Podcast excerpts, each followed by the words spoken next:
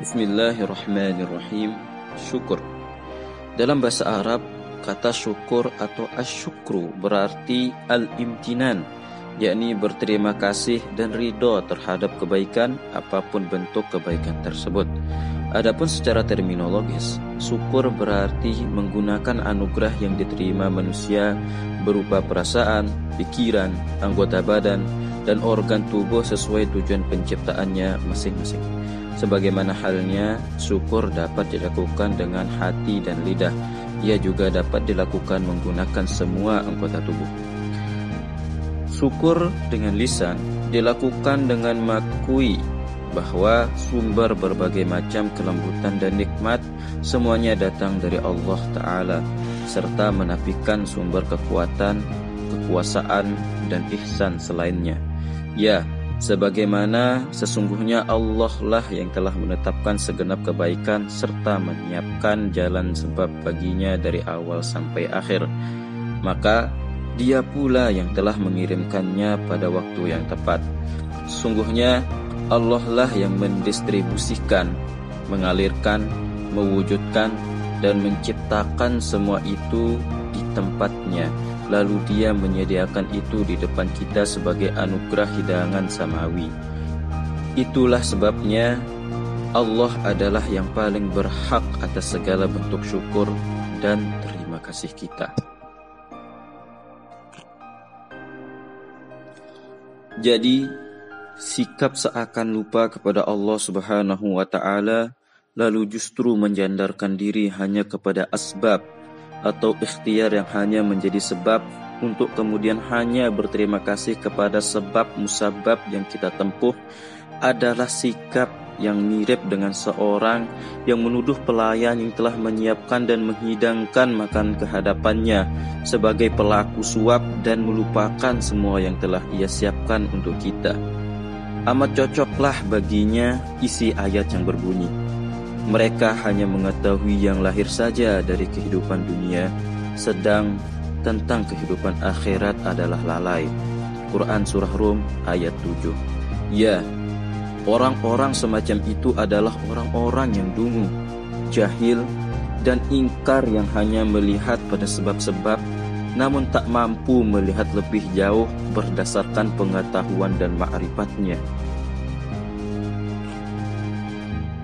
Syukur dengan hati merupakan empat, yakni mengetahui bahwa semua bentuk nikmat baik yang bersifat lahir maupun batin adalah dari Allah Subhanahu wa taala dan memanfaatkan nikmat ini dalam hal bermanfaat kemudian hidupnya diarahkan dan ditegakkan mengikuti pemahaman ini di saat yang sama Syukur hati semacam ini juga akan melandasi syukur yang dilakukan dengan lisan dan anggota tubuh lainnya sebagaimana yang termaktub dalam ayat dan Allah menyempurnakan untukmu nikmatnya lahir dan batin. Quran Surah Luqman ayat 20 Ayat ini menunjukkan dimensi kualitas nikmat yang Allah berikan sedangkan ayat yang berbunyi dan jika kamu menghitung nikmat Allah tidaklah kamu dapat menghitungnya. Quran Surah Ibrahim ayat 34 menjelaskan dimensi kuantitas nikmat Allah Subhanahu wa taala yang tak terhingga jumlahnya. Adapun yang dimaksud syukur dengan anggota tubuh adalah menggunakan setiap anggota tubuh dan setiap latifah sesuai dengan tujuan penciptaannya serta melaksanakan semua bentuk ubudiyah dan ketaatan bagi masing-masing anggota tubuh tersebut. Ada pula yang berpendapat bahwa syukur lisan adalah dengan bacaan wirid dan zikir. Syukur hati adalah dengan keyakinan serta sikap istiqomah. Sementara syukur anggota tubuh adalah dengan ibadah serta ketaatan kepada Allah. Dikarenakan syukur berhubungan erat dengan iman dan ibadah, maka para ulama menyatakan tentang kekomprehensifan syukur bahwa syukur adalah setengah dari iman sementara kesabaran adalah setengah bagian lainnya maka mereka biasa menjandingkan kedua sifat ini bersama-sama.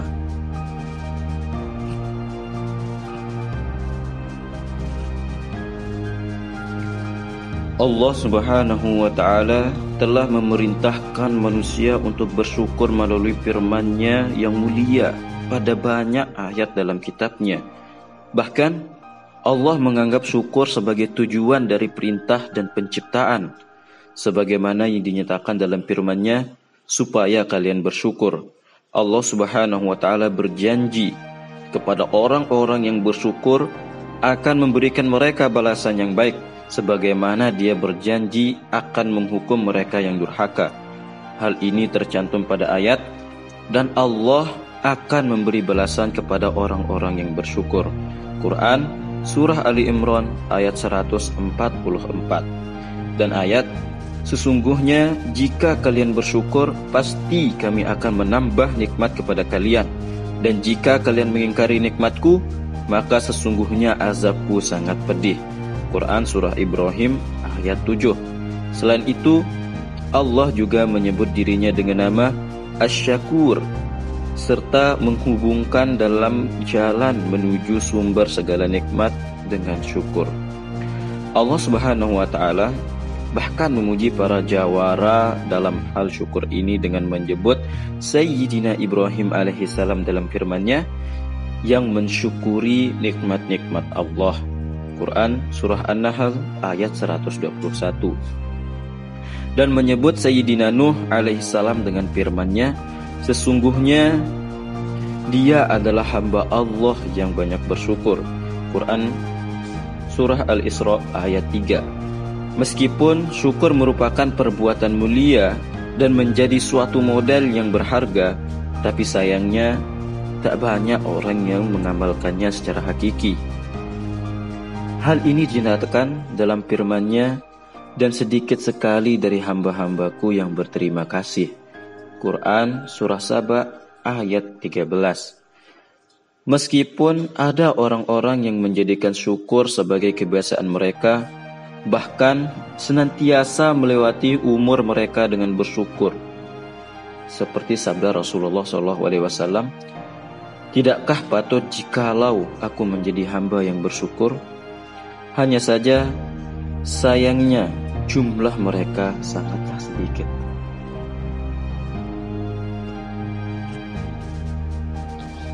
Ya, Rasulullah Shallallahu Alaihi Wasallam yang menjadi pahlawan kesyukuran kebanggaan alam semesta, memang selalu menjadi yang terdepan dalam mempraktikkan tindakan yang sangat mulia.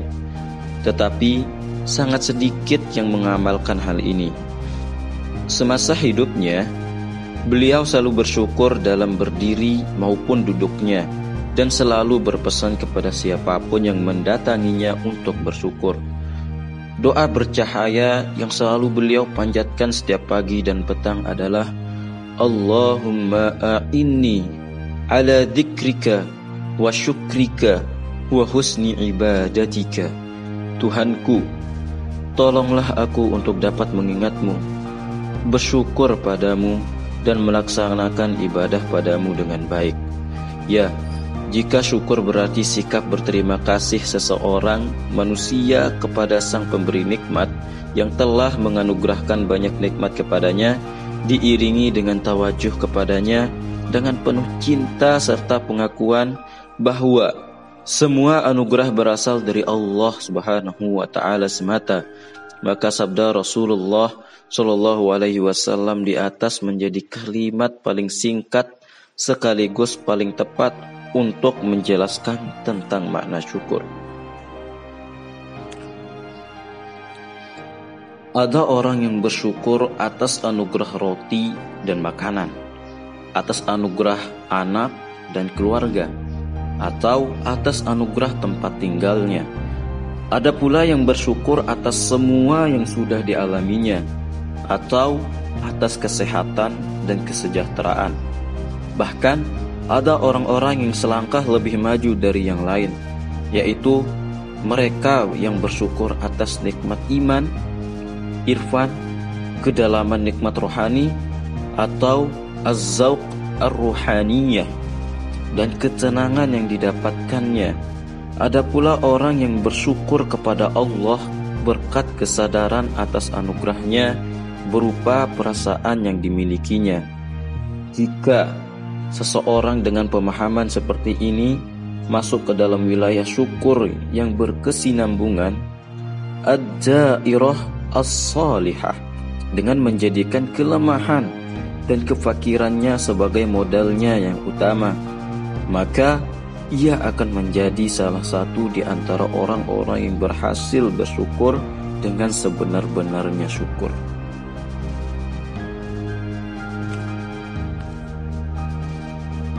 Seperti yang telah diriwayatkan dalam sebuah hadis bahwa Nabi Daud alaihissalam bertanya kepada Allah, "Wahai Tuhanku, sebagaimana aku bersyukur kepadamu, jikalau bahkan syukurku padamu saja juga adalah merupakan nikmat darimu." Allah Subhanahu wa taala menjawab, "Maka sekarang kau sudah bersyukur kepadaku." Sepertinya inilah yang dimaksud oleh ungkapan yang berbunyi Ma syakarnaka haqqa syukrika ya mashkur. Kami belum bersyukur kepadamu dengan syukur yang sebenar-benarnya Wahai zat yang harus disyukuri. Sesungguhnya syukur yang sebenar-benarnya hanya dapat terwujud jika diiringi dengan pengetahuan yang sempurna atas nikmat karena sumber nikmat dan pujian yang baik bagi sang pemberi nikmat berhubungan erat dengan pengetahuan atas nikmat. Yang selalu menegaskan hal itu adalah anugerah darinya berupa iman, Islam, dan penjelasan tentang Al-Quran yang menjadi garis penghubung antara pengetahuan atas nikmat dengan sikap menerima nikmat dengan baik. Sebagaimana ia juga menjadi garis penghubung antara orang yang bersangkutan dengan Allah Subhanahu wa taala.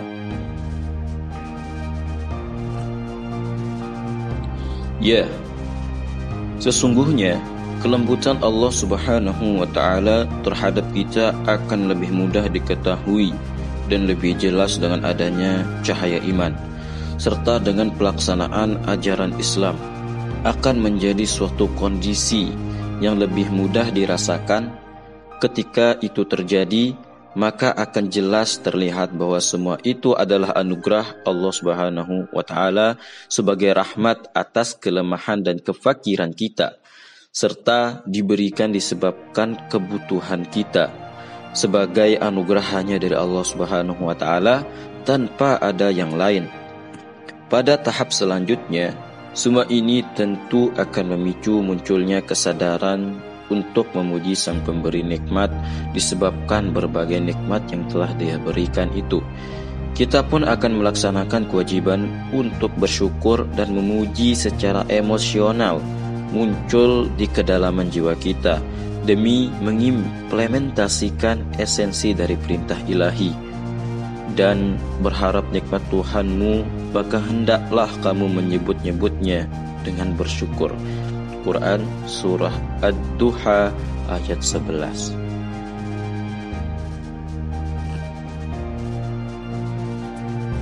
Pada hakikatnya, dalam diri tiap-tiap insan terdapat perasaan untuk berterima kasih kepada siapa pun yang berbuat baik kepadanya. Akan tetapi, Manusia sering kali tidak dapat menyadari ataupun merasakan nikmat berlimpah yang datang kepadanya. Persis seperti ikan yang hidup di laut yang tak menyadari pentingnya air. Hingga datang saat ketika kesadaran itu muncul, barulah ia akan menghadapkan wajahnya kepada sang pemberi nikmat. Alih-alih bersyukur, justru yang banyak terjadi adalah ketika berbagai nikmat berlimpah itu hadir justru seketika seakan tak terlihat disebabkan berbagai hal remeh yang ada di sekitarnya. Jadi, jika kita menyebut ketidakmampuan melihat nikmat yang melimpah di sekitar kita dengan istilah buta, bisu, atau tidak berperasaan, maka pengabaian dari nikmat tak terhitung yang kita terima sehingga menjadi penyebab kebutaan dan kebisuan yang tidak ada lagi perasaan di dalamnya, tidak diragukan lagi adalah sebuah penyimpangan dari kebenaran. Sabda Rasulullah Shallallahu Alaihi Wasallam yang menyebutkan bahwa Siapa yang tidak mensyukuri yang sedikit, niscaya tidak akan mensyukuri yang banyak. Atau siapa pun yang tidak bersyukur kepada manusia, maka ia tidak bersyukur kepada Allah Azza wa Jalla. Mengarah pada bagian pertama hal ini, serta mengingatkan pada kita betapa pentingnya bersyukur. Adapun bagian yang kedua dijelaskan oleh beberapa ayat suci yang mengingatkan pada tauhid sejati, yaitu dan bersyukurlah kepadaku dengan janganlah kamu mengingkari nikmatku. Quran Surah Al-Baqarah ayat 152 Dan sembahlah dia dan bersyukurlah kepadanya. Quran Surah Al-Ankabut ayat 17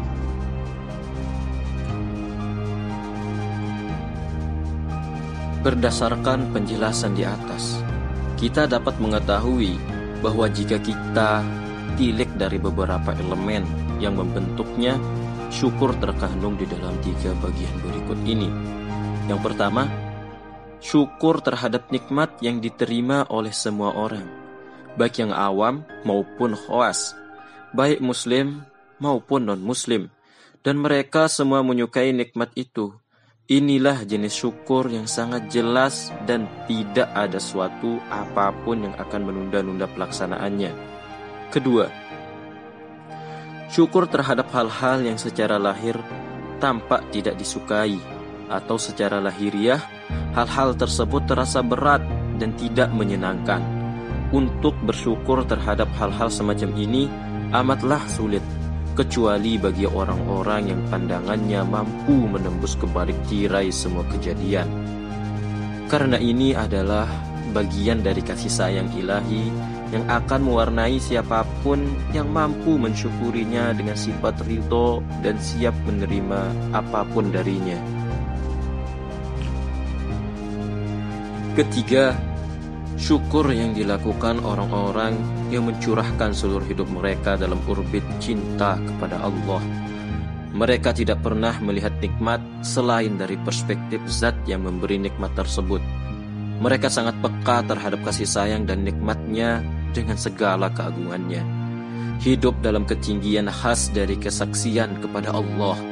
Sehingga ibadah yang mereka lakukan menjadi senandung zauk tersendiri kehidupan spiritual kalbunya menjadi laksana gelombang badai kerinduan dan cinta kepada Allah. Hubungan mereka dengan Allah Al-Haq sangat erat dalam kesaksian mendalam di tengah keteguhan yang kokoh. Mereka senantiasa mengikat segala yang mewujud dan memburu yang mereka rasa hilang tak berwujud. Setiap saat mereka mewarnai limpahan kebijaksanaan suci, dan yang paling mulia yang mereka terima, sembari meraih kedalaman di tengah perjalanan yang mereka tempuh. Ikatan pandangannya pun kian tajam untuk melihat limpahan aneka nikmat Allah pada tiap waktu, memburunya, berkelana, hingga mampu meraih limpahannya. Wahai Allah, jadikanlah kami termasuk hamba-hambamu yang mukhlas, dicintai, dan didekatkan kepadamu. Limpahkanlah solawat kepada sang pemimpin orang-orang yang mukhlas dan kepada segenap keluarga serta para sahabat beliau.